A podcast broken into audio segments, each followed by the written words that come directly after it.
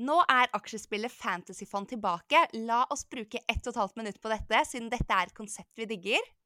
Ja, enig. Det er så gøy. Det er jo et prisbelønnet og veldig populært spill fra Dagens Næringsliv, eh, vår favorittavis, der du kan lære hvordan aksjemarkedet fungerer. Ja, det er veldig kult. Men må man kunne noe fra før for å være med? Nei, altså poenget er jo å lære mer om aksjer og investeringer gjennom å spille og ha det gøy. Eh, og i løpet av konkurransen så vil DNs journalister publisere relevant innhold, og du får tilgang til DNs aksjeskole og et nyhetsbrev om aksjer som vil øke sjansene dine for å gjøre det bra i spillet. Det er jo en veldig bra øvelse før man begynner med ekte penger i Stack-appen, da. Ja, det er helt genialt. Og det tar faktisk bare to minutter å opprette en bruker på fantasyfond.no. Og Der lager du ditt fond og velger aksjer fra selskaper på Oslo Børs. Og de aksjekursene de følger de virkelige kursene på børsen. Ikke sant? Og så kan man konkurrere alene eller med venner, og man kan delta i ligaer hvis man vil. Ja, og det beste det er at man kan vinne skikkelig fine premier. Det er ukespremier i alle de seks ukene spillet pågår. Og den som har gjort det best etter seks uker, vinner hovedpremien på 100 000 kroner. Som er 50 000 kroner investert i vår favorittinvestering, eh, fond. Og 50 000 kroner til å investere fritt. Ikke sant? Dette skal absolutt jeg være med på. Det er gratis å delta. Spillet varer i seks uker og starter 17. oktober. Bare gå inn og registrer deg nå på fantasyfond.no. Ja. Dette er Investering by Stack, en podkast av Madeleine og Kristine, grunnleggerne av Stack by Me.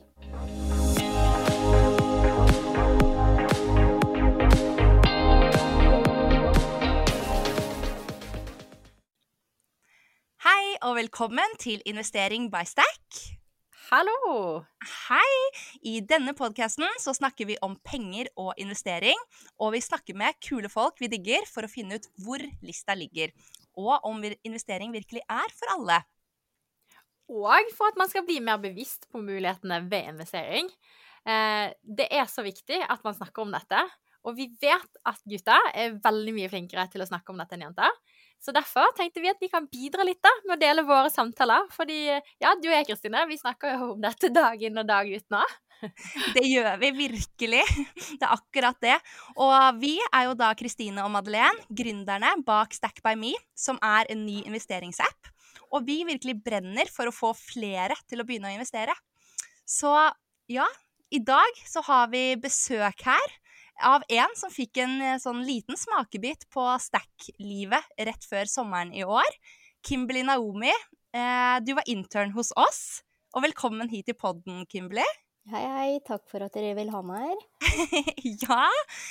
Eh, skal vi starte med at kanskje du vil gi en liten sånn intro på, på hvem du er?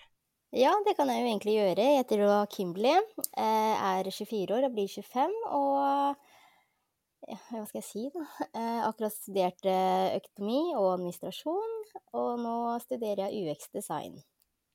Ikke sant? Det er eh, Ja, og jeg må jo adde, jeg må nesten adde noe, da. Fordi i tillegg til alt dette her, så har du to barn som du har fått samtidig som du har studert. Og ja, du har i hvert fall imponert oss da, med en sånn skikkelig, skikkelig drive. Så ja. Ja, jeg ser meg selv som en hardtarbeidende person, i hvert fall. Ja, det, det er du virkelig. Uh, og du ble jo tråkket litt inn i uh, dette her stack-universet, litt ufrivillig egentlig. Fordi det startet jo med at jeg fant deg på Instagram. Og så sendte jeg deg en melding der om du var keen på å møtes. For, uh, for, det var som du sa, det var akkurat den komboen. eller ja, altså du har studert økonomi og administrasjon. Og at eh, når man ser på Instagram-profilen din, så har du et åpenbart talent for å lage content. Og det ble jeg da superfascinert av, fordi det var akkurat en sånn type kombo jeg var ute etter å finne. Eh, og da vi møttes, så var det veldig kult at du også kicket på konseptet til Stack, da. Og jeg følte at det var kanskje spesielt den finfluencer-delen eh, av det, der hvor vi snakker om finans på en så enkel måte som vi klarer i sosiale medier, som, som fenget deg, i hvert fall sånn i første omgang? Ja, det var det absolutt. Så når eh, dere tok kontakt med meg, så spurte jeg liksom samboeren min har du hørt om de her, og jeg liksom aldri hørt om det greiene her før, hva, hva er det for noe? Ja. Altså, søkte vi opp dere og sånn, så han bare oi, de er jo ordentlig ordentlig kvinne som faktisk holder på med investering sånn. Det var dritkult. Han syntes det var kult, jeg syntes det var kult. Det var liksom ikke noe spørsmål å takke ja når du tok kontakt med meg. det er hyggelig. Bra. Ja. ja, og så vi Ja, nei, det var veldig gøy. Vi, vi, vi lærte masse av deg før sommeren, og hadde masse å komme med, så det var, det var veldig gøy. Og um, sånn som vi tenker nå her i podkastene, så har vi hatt episoder med aksje, en aksjeanalytiker og flere på en måte tungvektere i bransjen. Men det er også veldig viktig at vi får snakket om investering på et litt mer normalt nivå, tenker vi, det, tenker vi da. Eh, fordi eh, vi tror veldig mange kan kjenne seg igjen i dine erfaringer og tanker, Kimberley. Eller altså, vi vet at det er enda flere som ikke investerer i dag, enn som allerede gjør det. Så, så derfor så ja, så, så, tror vi at denne episoden At vi holder et uh, litt mer uh, ikke så teknisk nivå nå, da, som kan bli ganske bra. Uh, så vi vil jo gjerne stille deg litt sånn investeringsspørsmål nå, da. Men du kan også egentlig bare stille spørsmål tilbake til oss, der hvor du syns det er noe vi bør forklare tydeligere. For det er også kjempebra. Ja, absolutt. så ja, men du er jo Uh, ung, uh, content creator, rett ut av studier og inn i nye studier. Du har barn. Har du en fast inntekt per måned, eller er det veldig sånn litt forskjellig fra måned til måned for deg fremdeles? Ja, nå er det veldig forskjellig fra måned til måned enda. Den faste inntekten jeg egentlig har nå, er jo fra eh, studiene. Eh, så driver jeg også med sosiale medier, så der er inntekten min veldig opp og ned eh, hver eneste måned. Ikke sant. Ja, det, det har vi skjønt. Du har, du har, jo ganske mye ting som skjer på, på Instagram-fronten din. Ja. Men vet du cirka hvor mye du tjener på et år, da?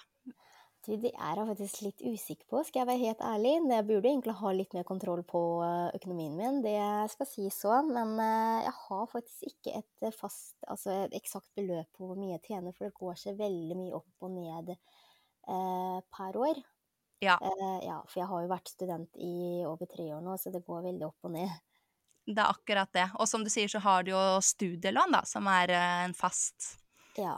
Den faste du forholder deg til. Men har du, eh, har du Du er jo på en måte veldig sånn i startgropen av ditt økonomiske liv, som vi vil kanskje si. Men har du, har du investert noe tidligere? Eh, ja, det som er moro Jeg har faktisk investert tidligere, men tingen er at det er ikke jeg som direkte har investert. Eh, for det er selvfølgelig min samboer som har gjort for meg. Så jeg liksom, han liksom snakka litt om investering, og så er jeg sånn Ja, jeg skjønner ikke hva du snakker om. Orker ikke å høre.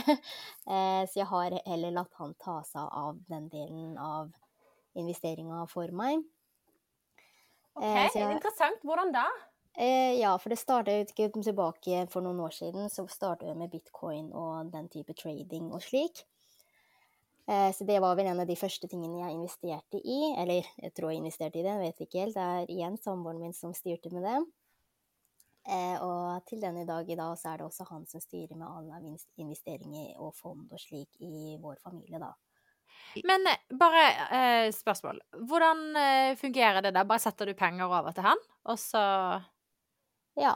ja. Eh, og jeg har litt sånn ja, altså vi, vi stoler på hverandre, selvfølgelig. Eh, og etter å ha liksom sittet og hørt på han i gjerne en kvarters tid, at han snakker om uh, investering og fond og alt det, så jeg, har jeg datt Jeg faller ut etter to minutter. For det blir mm. for mye nytt for meg. Og han har jo tydeligvis eh, satt seg ganske mye inn i det, og da stoler jeg bare på han, ikke sant? Det er jo veldig klassisk det du beskriver her, da, men det er jo dessverre også sånn da, at der står det jo eh, sannsynligvis i hans sitt navn. Eh, så hvis noe skulle skje da, eller skjære seg, så, eh, så, har jo da du ingen rettigheter, faktisk, siden dere ikke heller er gift. Um, så, ja, så det er noe vi anbefaler alle å ta tak i, da, og i hvert fall bli bevisst på hva man har. Det var jo nylig en rettssak med et par som hadde sammen investert, men det var han som hadde styr på investeringene, i bitcoin faktisk, de òg. Og det hadde jo gått dødsbra. Jeg tror de estimerte verdiene til 150 millioner. Men, eh, men, han sa bare til henne at nei, han hadde mistet de pengene, de fantes ikke. Nei, ikke sant. Eh, og forskjellen her er at vi har hver vår bruker. Mm. Eh, så han bruker jo Han har jo i hvert fall brukt det tidligere. Min bruker også sin egen, så vi har dem separerte. Mm. Eh, men han ja, da følger med på den greiene der, da. Greiene, ikke sant. Jeg, jeg kan jo så lite om det. Ikke sant? Men eh, Så dere, da investerer han i hvert fall i ditt navn, da, høres det ut som? Ja. Ikke sant? Ja, Så du har gått gjennom onboardingen med din bank-ID og identifisert det osv.? Ja da, det har jeg gjort. Det er jo bra, da, i hvert fall. Og så er det veldig morsomt at eh, Eller ikke morsomt, da. Det er jo veldig mange som investerer i krypto, holdt jeg på å si. Men, eh, men Ja, eh, overraskende mange. Jeg syns det er veldig interessant, for det, det er jo overhodet ikke det mest naturlige stedet å begynne. Men det, det skjer jo gang på gang at vi snakker med folk som gjør det, da. Og veldig ofte så er det jo da kjæresten eh, som, eh, som har eh, startet med det. Og jeg var jo på en tur her med i et bryllup, da. Hvor vi traff et annet par. Så når jeg da forklarte henne at bitcoin var jo kanskje det mest risikable man kunne putte pengene inn i, eh, og det viste seg at de hadde puttet alle sparepengene sine inn i krypto, ja. så ble det litt sånn en betent diskusjon rundt bordet, hvor han bare 'Slapp av, jeg har full kontroll, jeg har gjort masse analyser'. og jeg tror hun begynte å bli litt usikker, så um, som, Ja, eh, det er veldig interessant når eh, Ja. Jeg Men gleder meg veldig til sånn eh, å hm? ja, kanskje det er sånn at uh, disse, eller liksom at gutta, da, at de kanskje selv har begynt med fond for lenge siden, og uh, Eller liksom litt mindre risikofylte ting, da, og så har de faktisk lært seg ting, og så, når de blir confident nok, så får de liksom med seg samboer eller noe sånt på det videre, da. Så det kan hende de har gått litt i læren selv, da, selv om kanskje mange damer hopper rett inn i det. Ja, men så her er en hjemmelekse til alle lytterne, og til deg, Kimberly. Det vil jeg si. Det er jo å gå hjem og, og sjekke hvilken andel man har av investeringene sine i krypto. For sånn som det var med de vi traff på ferie, så var jo det alt. Mm. Ja. Og det er jo en ekstremt volatil eh, klasse med investeringer. Det er det absolutt. Eh, Nå skal det sies at jeg har ikke investert mye i det greiene her i det hele tatt, så mine penger er sikkert borte for lenge siden. Altså, var... jeg, kan ikke huske sist jeg logga inn på den appen engang, det er såpass. Men uh, dem holder på enda, så samboeren min og noen andre vet jeg holder på med de greiene enda. Igjen, jeg følger jo ikke helt med på det. ikke sant? Det er ikke før jeg egentlig møtte dere, hvor jeg uh, begynte å se mer på investering og lære meg litt mer om det, og da var liksom han litt mer gira på det, at jeg skulle endelig lære meg om investering og gidde å bry meg litt mer om det.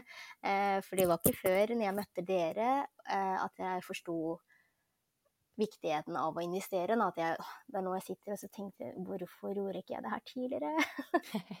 Du er fortsatt veldig ung da, Kimberly, så det er Du har heldigvis hele livet foran deg, og eh, på må si eh, Godt at vi har denne praten nå, så ikke du putter alle pengene til barna i krypto. Ja, det er sant. Og veldig hyggelig at eh, vi faktisk klarte å engasjere deg litt til dette her, da. Men det er jo også, som du sier, hvis, eh, hvis det ikke liksom er snakk om de største summene, så, så anbefaler vi også på en måte å ikke kanskje gå rett på krypto, men å teste litt, eh, litt forskjellig i ung alder, da, med små beløp. Fordi det gir jo en veldig stor læring i det òg. Er du ikke enig, Madeleine? Kanskje ikke helt, jeg vet ikke. Ja, jeg vil i hvert fall si at eh, liksom, aksjer og eh, ting man, man kan analysere, som jeg har et forhold til, da. Det er godt være at man kan eh, analysere bitcoin. Jeg kan ikke nok om det. Eh, men jeg vil jo på en måte kategorisere bitcoin og krypto generelt da, som en egentlig litt annen klasse enn det vi kaller for investeringer. Fordi når vi snakker om investeringer, så mener vi å kjøpe seg inn i bedrifter som genererer cashflow. Ikke sant? Da er man jo på en måte garantert at selv om aksjekursen faller, så skal jo de betale ut utbytte. Så så lenge det er et selskap som tjener penger, så vil du på sikt også tjene penger. Enten har du fått tilbake pengene dine i, i utbytte, eller så har aksjekursen steget. Eh, og så er det selvfølgelig de selskapene som går konkurs, på en måte. Men hvis du, hvis det er store, stabile selskaper Hvis kursen går ned, så er det på en måte worst case, så får du dårligere avkastning. Eh, yield, da. Mens med bitcoin, det er jo ikke noe som genererer inntekt på noen måte. Da er man på en måte avhengig av en kursstigning. Så det blir jo mer valutaspekulasjon enn investering. Eh, så ja, jeg er enig med deg, Kristine. Jeg Gøy å leke med litt høyere høyere risikoting. Men eh, jeg vil på en måte kalle det å investere i krypto for spekulasjon, da. Mm. Det er akkurat det. Med den disclaimer at jeg ikke er ekspert, sånn at vi utfordrer alle kryptoinvestorer til å kommentere og gi oss tilbakemeldinger hvis det er noe som er feil med den analysen, da. Ja, ikke sant. Nei, men, eh, men jeg tror det er veldig mange som eh, står akkurat der hvor du gjør, Kimberly. Og eh, ja, nå, nå som stack-upen er klar og på lufta og alt, så, så kanskje du til og med etter hvert kan eh, begynne å sette opp et sånt uh, jevnlig månedstrekk eller noe sånt, da, for å Skal vi hjelpe deg i gang, vi? Ja, ikke se bort fra at det, det skjer etter hvert. Ikke sant? Men uh, er det sånn Ja, som, som mange andre nå i disse tider, merker dere strømprisene og økte kostnader? Ja, så selvfølgelig, det er jo noe økte kostnader, selvfølgelig, men eh, vi bor jo ikke i hus. Eh, så for oss er det jo Det er jo inkludert varmt vann og slike ting, så det vi legger merke til, er hvis vi skal eh, vaske klær eller lage mat. Ellers så er- holder det seg relativt ganske stabilt. Det er jo selvfølgelig høyere, men jeg ser vel ikke for meg at det er like stor eh, endring som de som eier hus og slikt, da. Der er dere jo sykt heldige med at dere har varmtvann inkludert, da. Den får jeg høre Veldig. hver dag. Koster 100 kroner, den dusjen der. det er det. Det er, det er dyrt. Ja. Ja. Risikoen er jo at huseier må sette opp leien, da, eller justere for strømmen. Um, vi òg hadde jo varmtvann inkludert der vi bodde før, men de satte jo opp fellesutgiftene, fordi ellers så kom jo hele borettslaget til å gå konkurs. Så, så jeg tror på en måte ultimately så må alle forberede seg på at prisene vil stige, også for de som på en måte ikke sitter med regningen nå, da, men den kommer. Den kommer nok snart, hvis det holder seg. Det tviler jeg ikke på. Det er akkurat det. Og vi snakket jo senest i dag på Instagram egentlig om, eh, om det, da. At eh, når det nå er sånne tider som det er, så er det jo mange ting man faktisk kan investere i for å investere smart. Hvis man Ja, både det å bare investere jevnlig i globalt indeksfond, som er veldig diversifisert, eller som du sa, sa da, Madeleine, om fornybar energi. Det er jo mange ting som går motsatt vei enn strømmen. Ja, ja, ja. Absolutt. Og jeg så også det var, eh, det var noen i går som kjøpte olje- og gass-ETF.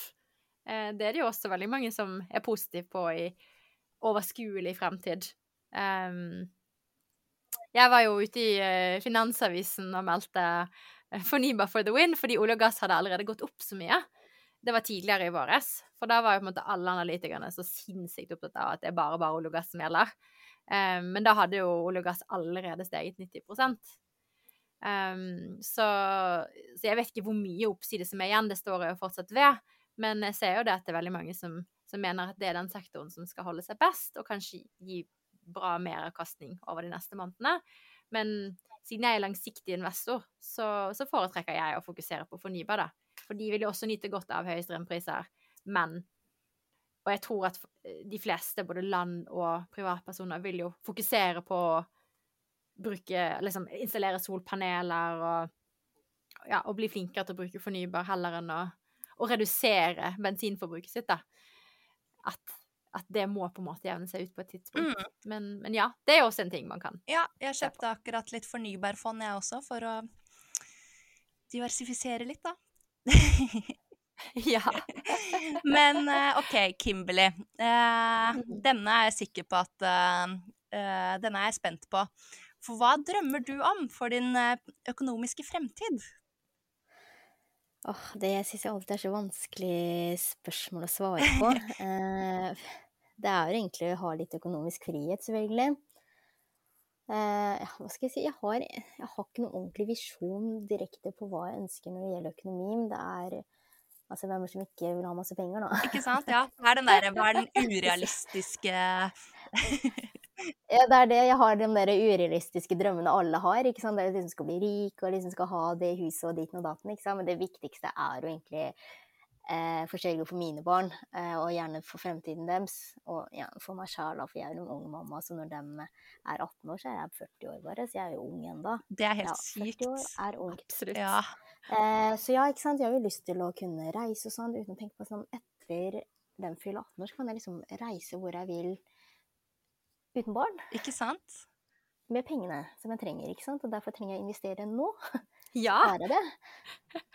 Det er en veldig god ting å investere til, da. Det er det, og det. veldig forfriskende at du sier 'hvem vil ikke ha mye penger'. Jeg syns det er så mange om dagen som er sånn 'nei, penger har ikke noen ting å si'. Så blir jeg litt sånn ja. Altså, man vil jo være litt sånn ydmyk og si at nei, jeg har lyst på liksom å være lykkelig og ja, altså, Jeg vil jo være lykkelig òg, men uh, man kan jo være lykkelig med mye penger òg. ja, ja. altså, skal ikke lyve om det. ja, jeg er jo enig, liksom. Det er jo ikke det viktigste i livet. Altså virkelig, virkelig ikke. Uh, det Ja, det må jeg si meg helt enig i. Men det er jo digg Det- ja, det er jo gøy. en ferie, og gøy å kunne på en måte gå ut og spise uten å måtte tenke på at åh, jeg burde ikke bestille et glass vin til. Ikke sant? Eh, Altså, er penger Altså, du kan gjøre så mye med penger. Trist nok å si, så er liksom det penger kan gjøre deg, i hvert fall til en viss grad, lykkelig også. Jeg mener å ha sett en sånn undersøkelse på at det er sant. Opp til Jeg tror det var sånn i en husholdning eh, hvor man hadde da årslønn på 800 eller 900 000 hver. Etter det så var like avtagende. Ja, ikke sant. Og så er det jo motsatt eh, forskning også, at eh, de aller eh, fleste psykiske problemer eh, bunner i økonomiske problemer. Er ikke det også? Ja, så jeg tror at det gjelder jo for de som typisk um, enten overforbruker, Ja, det er jo helt på andre Eh, siden av skalaen, da. Ja, eller de som ikke har liksom Hvis, du, hvis du har 800 000 per liksom, hode i en familie, da, så er det faktisk 1,6 millioner. Det er mye penger. Mm.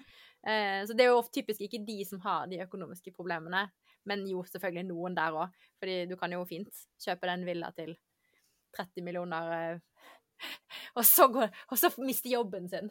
Eh, og da får man jo økonomiske problemer. Så det tror jeg absolutt kan gjelde for de med litt høyere inntekt, men jeg tror den statistikken primært sikter jo veldig på de som har litt lavere husholdningsinntekter. Mm. Det er det. Ja, så Og så har vi jo Vi pleier jo egentlig å spørre eh, gjestene våre, da, Kimberley, om eh, hva som er din beste og din dårligste investering. Men eh, Ja. vi får jo håpe at den der bitcoin-historien din blir sånn som den historien til Madeleine, da, at dere får 150 millioner om noen år.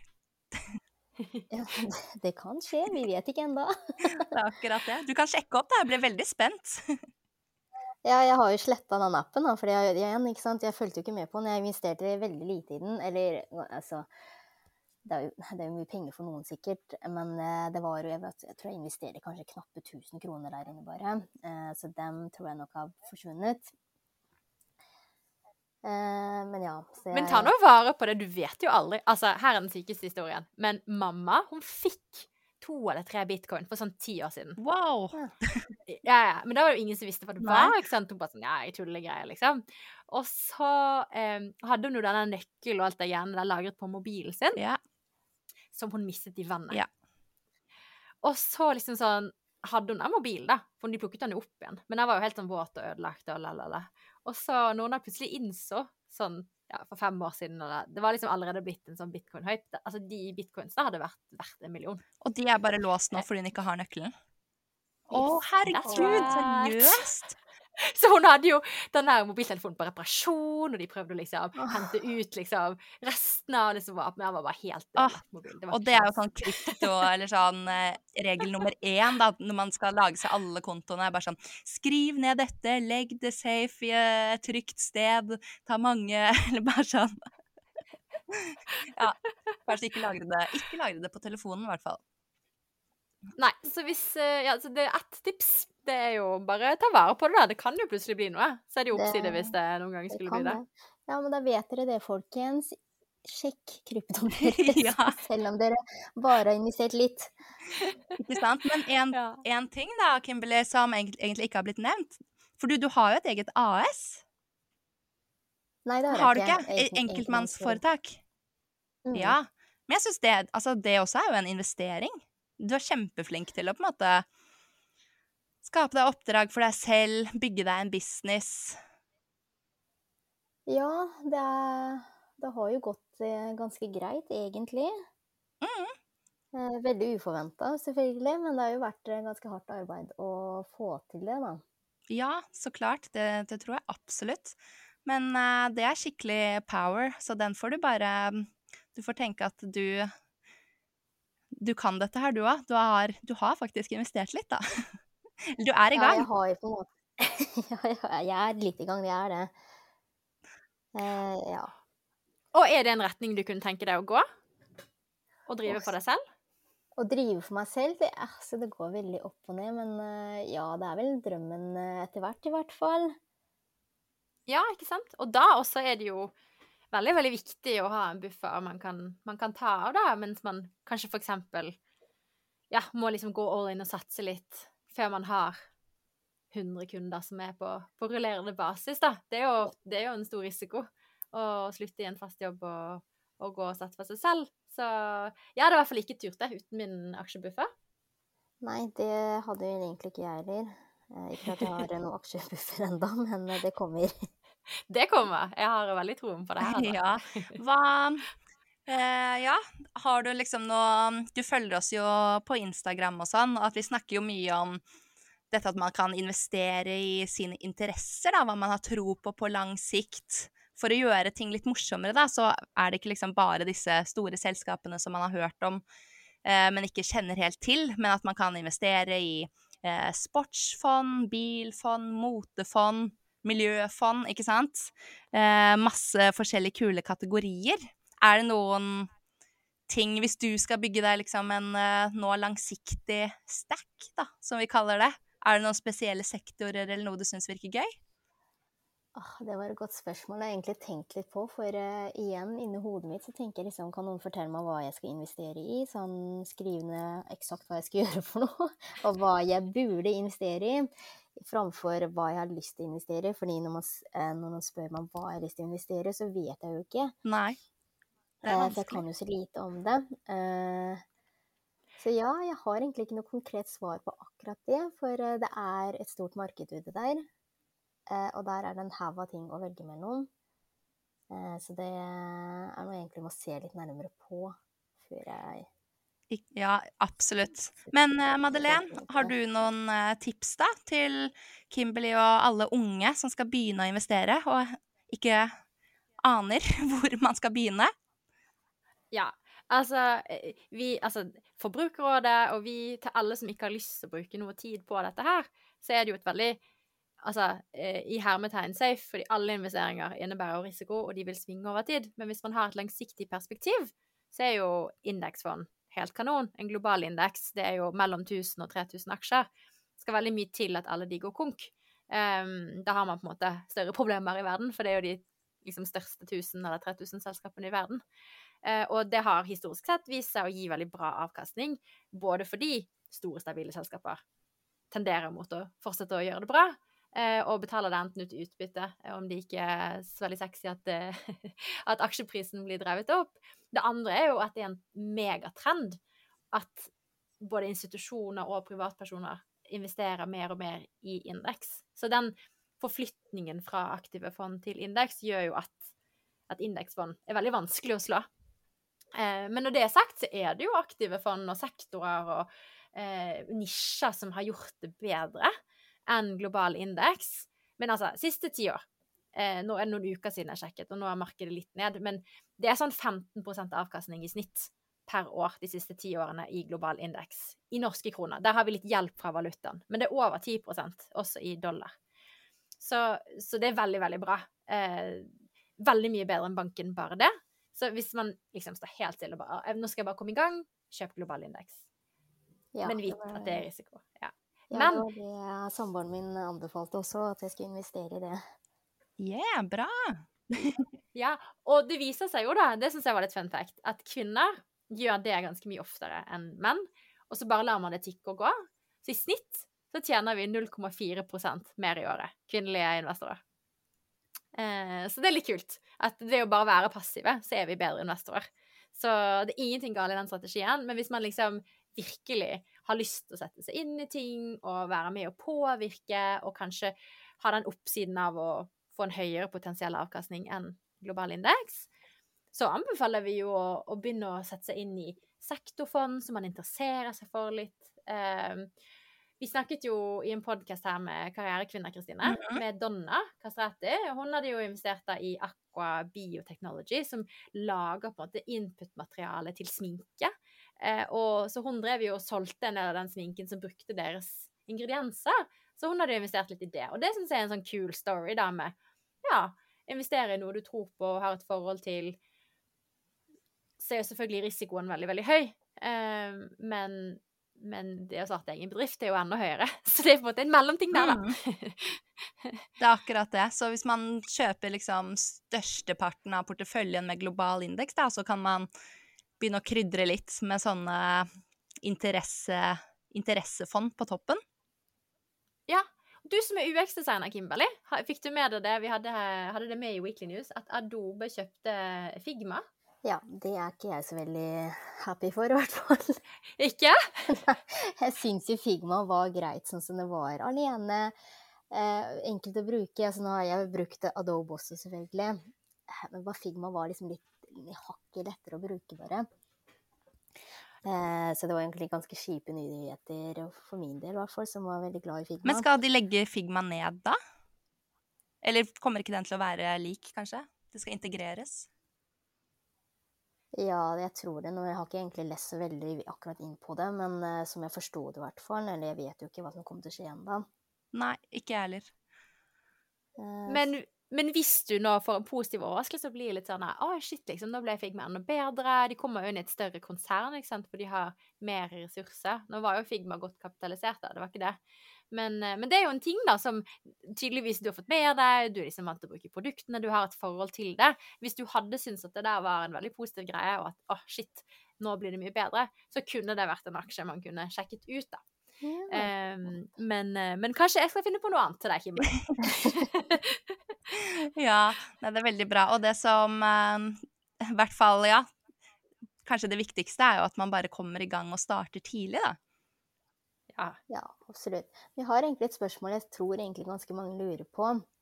Er hvor mye eh, man skal investere. Altså selvfølgelig eh, det, altså, De fleste tenker vi har jo ikke penger til å investere, ikke sant? Inkludert meg selv også. Eh, så jeg lurer på typ, hva som er egentlig hva skal vi si, minstebeløpet man kan investere for at det skal være hva skal si, for noe lønnsomt. Det er altså På fond, det er jo det som er genialt. På aksjer så skal man jo helst investere litt, fordi det er kurtasje. Eh, som student så får du veldig billig kurtasje. Jeg tror det er DNB som har én krone. De hadde i hvert fall det før. Men, men det er jo fortsatt en krone i kurtasje. Så det beste er jo egentlig fond, hvor det er helt gratis. Eh, uansett beløp. Jeg tror de fleste har minstebeløp på 300 kroner. Noen fond har 100 kroner. Men 300 kroner får de fleste til. Så jeg ville sagt, hvis man hvis man stopper fordi det er pain, altså fordi det begynner å bli sånn at de pengene vil jeg veldig gjerne brukt på noe annet, eh, så er det veldig dumt. Så da ville jeg bare brukt, tatt et trekk på 300 kroner, da.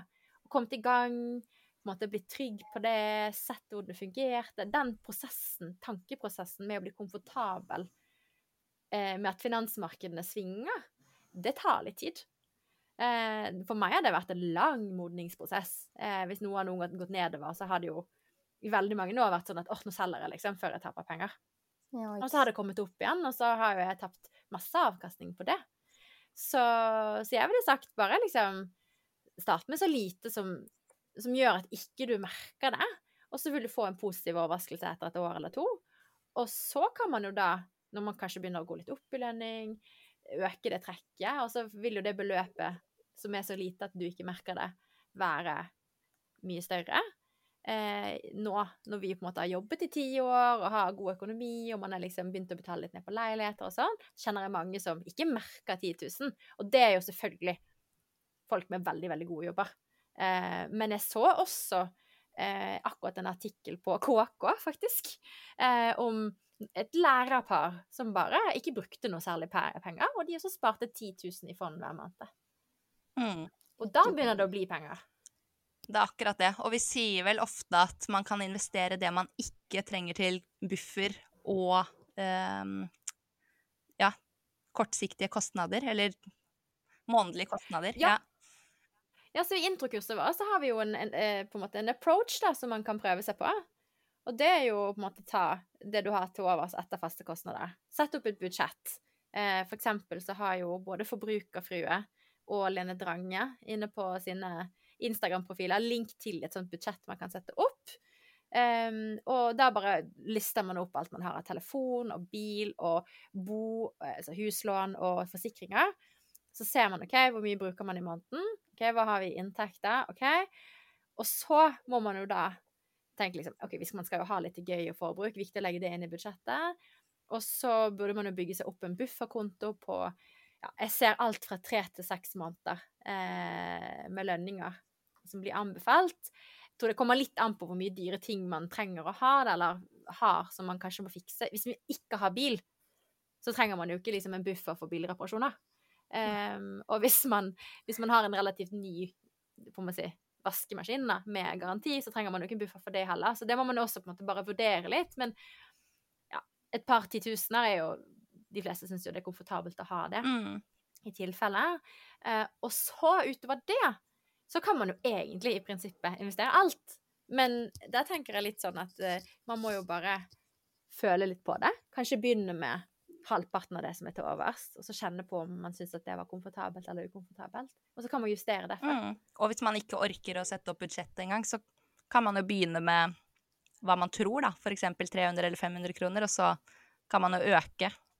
Det er jo veldig lett å bare sette opp eller ned. Man trenger jo ikke, Det er jo ikke skrevet i sten. Hvis man setter opp et månedstrekk på 300 kroner, så kan man øke det til 500 neste måned. Og ned igjen. Ja, ja, og jeg vil jo si Nå er det jo eh, litt forskjell på de som er akkurat kommet ut i jobb, eh, og som har vært studenter, og som ikke har fast inntekt ennå, som Kimberley. Jeg vil si hvis man er ute i jobb og har vært i jobb et par år, så er jo på en måte 3000 det beløpet jeg ville slengt ut, Ja. ikke 300. Eh, fordi eh, det er jo lett å nedjustere, og lett å ta ut igjen de pengene. Så hvis det var litt mye, så kan man jo heller nedjustere det. Men det er veldig lett å legge seg for listen for lavt. Det vi ser da, det er jo at eh, kvinner er jo litt mer forsiktige. Eh, risikobevisste, liker vi å si. Så det beløpet vi sparer i måneden, er jo lavere enn det menn sparer i snitt. Um, og den gjengse nordmann sparer mellom 2000 og 5000 kroner i måneden. Mm. Men snittsparetrekket for en kvinne er tror det var 1100 kroner eller noe sånt. Ikke sant. Mm. Ikke sant. Ja. Så ja, det, man, kan, man kan nok investere mer enn man tror. Eh, er vel egentlig svaret. Men man må jo se på sin personlige økonomi. Og så er jeg jo enig med deg, Kristine. Den letteste metodikken er jo bare starte med et og så justere derfra. Jeg merker jo selv at jeg blir liksom litt sånn gira, da, så jeg bare Og det, det som er så bra med fond, er jo at det koster jo ingenting å bare kjøpe litt mer her og der. Nei, det er veldig fint. Det er jo ingen inn- og utkost. 500 kroner daglig. Nå. Nei da. Men uh, Vi driver jo og tester Ja. vår egen løsning, da, så vi, vi gjør jo det. Men, og der er det jo viktig å skille mellom fond og børsnoterte fond, da. Det som heter ETF-er. På ETF-er er det jo kurtasje. Ja. Så Mm. der skal man jo helst ikke liksom kjøpe 500 kroner om dagen. da er det bedre å ta store, store beløper eh, i store bolker. Ja, men det er min strategi nå, da, som jeg heller sparer litt mer sånn jevnlig, siden jeg ikke har bonusutbetalinger som jeg hadde før, eh, det er jo å spare jevnlig i For eksempel eh, har jeg et aktivt fornybarfond. Eh, for der er det ingen inn- og utkost. Og så er målet mitt at når det kommer opp i 50 000, så skal jeg bytte det over i en ETF som har billigere kost. Ja. Kanskje jeg skal slenge meg på samme, samme taktikk, da, siden jeg kjøpte første andel i fornybarfondet som jeg så du hadde kjøpt, for jeg så det lå på din stack. Ja, det så jeg på filmen yeah. min, så jeg har allerede informert Kristine. Det er det som er så bra. Nei da. Men uh, ja, blir det for, uh, for mye her, eh, Kimberley? Eller går det Har du noen flere Her spørsmål? lærer, jeg, her lærer jeg ganske mye, så egentlig i realiteten det jeg hadde tenkt å sette inn i sparekonto, kan jeg egentlig bruke på å investere istedenfor, da. Ja, hvis du, hvis du føler at du har god nok buffer til ting som kan skje i dagliglivet, Ja. eh, så vil jeg absolutt si at det går an, ja.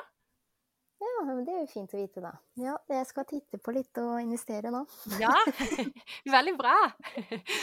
Det Ja, nei, det er super um, uh, Ja, du er jo så ung, og du har de beste utsikter, Kimberley, så du kan nok tjene masse penger og bli akkurat så rik som du bare drømmer om. Det er bra. Ja. Altså, ja, for der må jeg jo bare gjenta Nå har jeg to kule eksempler der, Kristine. uh, men det ene var jo dette teknologifondet som hadde 23% avkastning de siste ti årene. Ja. Og 100 000 i det ble jo nesten en million på ti år, på grunn av renters renteeffekten. Uh, så, så den er, og den er ganske stor forskjell på den uh, på 15 og 23 eh, Sånn at hvis man velger litt høyere risiko, eh, som aksjefond er, eksempel eh, Aktive aksjefond er jo på en måte enda litt mer risky enn globale indeksfond, fordi de har større konsentrasjon av aksjer. Og så har du sektorfond, som igjen blir enda mer konsentrert da, som gjør at det blir høyere risiko. Hvis det er en sektor som gjør det bra, så kan man få enda høyere avkastning. Mm. Så det er på en måte en strategi, da, hvis man har litt langsiktig perspektiv. Gå inn i sektorer som man tror vil gjøre det bra. Akkurat nå er jo på en måte fornybar olje og gass veldig hot, men da må man jo kanskje liksom justere litt underveis da, hvis man plutselig løser hele energikrisen og strømprisene går i null igjen. så må man liksom være litt bevisst på det. Jeg tror personlig ikke at det vil skje, men jeg har jo ingen krystallkule. Um, så det er jo én måte å gjøre det på. 100% avkastning i året får man nok ikke, men det var jo Horde som hadde et sånt morsomt eksempel på Instagram jeg så i går. Men hvis du tar 100% avkastning i året, så er rentas renteeffekten av, eh, av det så vill at du kan gå fra én krone til én milliard på 31 dager. oh my god. Ja. Det er ja, sykt. det er sykt. Det går ikke an, da. Nei. Men det er lov å Man skal jo drømme, da. Men det sier, Ja, jo, veldig, men det jo det sier jo veldig mye om renters rente, da. Ja, det er det. Eh, Og det er jo Ja, det var jo det Einstein kalte for eh, verdens åttende underverk. Ja, og så sa han vel også at eh, den som skjønner det, eh, han eh, på å si, eh, han tjener retters rente. Og eh, han som ikke skjønner det, han betaler Ja. det. og det er jo med sikk tanke på de som har forbrukslånsgjeld. Så det er veldig viktig å poengtere det, Kimberley. At eh, om du så har penger på sparekonto Hvis du har forbruksgjeld, så ville vi jo absolutt anbefale å betale den ned først. Ja. For den kan jo være fort sånn 16% ikke sant? Og da betaler man jo rentas rente på det. Mm. Et eksempel på det, som er litt morsomt, men ja, kanskje litt slemt å si, men hun hører sikkert ikke denne podcasten. Men jeg har jo da en gammel venninne, så jeg tror hun betalte jeg tror det var, Dette er jo veldig mange år siden. Tok silikonpupper før hun var fylt 18. Tok hun det på, på kredittkort. Eh, jeg tror det var 15 000 eller hva det var den operasjonen kostet den gangen. Endte opp med å betale over 100 000. Oi. Det er litt kjipt. Hun kommer til å høre denne episoden fordi noen kommer til å sende til henne. Ja, helt sikkert. Det som var morsomt også Men det også, tror jeg det er flere som har gjort, da. Akkurat det der. Ja, det er det nok. Og det trenger ikke være silikonpupper for å være dumt. Det, altså, det, det kan jo være andre helt livsnødvendige ting. Eh, man kan jo, hvis man virkelig er desperat, eh, bruke forbruksgjeld for å på en måte betale for ferie for barna, fordi man syns så synd på de, fordi alle andre er på ferie. Og det kan jeg, kan jeg full forståelse for at folk havner i den situasjonen. Eh, eh, men eh, man må jo da bare være bevisst på at det er sinnssykt lurt å betale den ned først. Det er akkurat det. Det er det. Men um, Kimberly, det høres jo ut som at eh, det som er så bra også, er jo at samboeren din er så interessert i dette her. Og at Ja. dere liksom sammen kan Du har jo virkelig en skikkelig god støttespiller der. Så Ja, veldig. Så han eh, gleder seg veldig til eh, å starte med det. ja, Eller til at- jeg skal starte med det. ikke det. sant? Og du kommer til å synes at det er så gøy når du først kommer i gang. Så virkelig, bare sett deg ned. Og så er den terskelen den, eh, den, den er ikke så stor som man kanskje tenker. Det er, man går og tenker på det lengre enn hva det faktisk tar å komme i gang. Ja, jeg Ja. tror det er litt sk like skummelt som alt annet i livet er, egentlig. Som du nesten bare må hoppe uti og teste ut. Enten så er det for deg, eller så er det ikke for deg. Mm. Ja, vi må nesten høre liksom sånn Kimberley six months later. Ja. to be continued. Og eh, det som er fint, da, eh, Kimberly, det er jo at eh, appen vår er jo for alle. Så du kan jo få med samboeren din, så kan dere følge hverandre. Så kan dere gjøre det sammen. Ikke Ja. bare du. Det kan vi absolutt. Jeg har fått han til å laste ned appen, se. Yeah, Hey. Så vi begynner nok snart, tenker jeg. yeah, det er superbra. Men eh, ja, egentlig, når man ser på tiden, så tenker jeg at vi kan runde av her. Og så blir jo dette her nå continued. Skal vi følge reisen din, Kimberly? Men vi kommer alltid med en liten oppfordring til deg som lytter. Så i dag er det egentlig mer en reach-out til alle, hvis Kimberly kan. Og så mange som hiver seg på nå i denne investeringsbølgen, så er vi helt sikre på at du også kan. Så ja, bli med på å eie litt av selskaper som tjener penger, du også. Boom! Rett og Ja. slett. Kan jeg Ja. legge til en liten kommentar her Ja. også? Eh, for det, jo, igjen så er jeg student, men jeg vet det er veldig mange jenter der ute som bruker penger på e- VIP-extensions, negler, hår, alt det der. Det er, det er snakk om alt fra 500 kroner pluss i måneden som dere bruker hver måned, det kan dere bruke på å investere istedenfor. Ja, det er én måte å gjøre det på. Eh, og så er vi i Stack, det vil jeg bare poengtere, Kimberly, også veldig opptatt av at det er viktig å ha det gøy og ta vare på seg selv og de tingene, hvis man ønsker det. Men hvis man klarer å finne litt ekstra til å investere, så kan man jo ta en, en manikyr på avkastningen man har tjent. Da får du gratis eh, vipper og extensions etter hvert. ja. Men du har sikkert rett at det er mange som, eh, som bruker mer enn de hadde trengt. Jeg ble bevisst her om dagen på at eh, man kan kjøpe sånn skjellakksett på Amazon. Ja. Så hvis man er sånn som meg, som har brukt altfor mye penger på shellac, og egentlig slitt neglene helt ut, eh, så kan man jo vurdere å kjøpe det istedenfor. Og så kan man bruke de 500 kronene man brukte på skjellakk eh, eh, hos skjellakk-damer eh, på å investere. Så får man liksom like fine negler, og det er mer fleksibelt, man slipper å booke time. Eh, og likevel ha fine negler. Absolutt. Det fins mange rimeligere alternativer her ute. Det er akkurat det. Be smart. Ja, akkurat det. Men Ja. tusen takk for, eh, for deling, Kimberly. Så, og lykke til nå, da, som du skal hoppe i det her. Ja, jeg er veldig spent på hvordan det går framover, og spent på hvor jeg er hen om ja, seks måneder, eksempel. Ja. Vi følger deg. Tusen takk. Det blir nok noe stort. Ja, takk for at dere ville ha meg med her også. Det blir eh, veldig spennende tid framover. Ja, vi snakkes. Det gjør vi. Ha det. Lykke til! Ja, takk. Ha det bra. Ha det.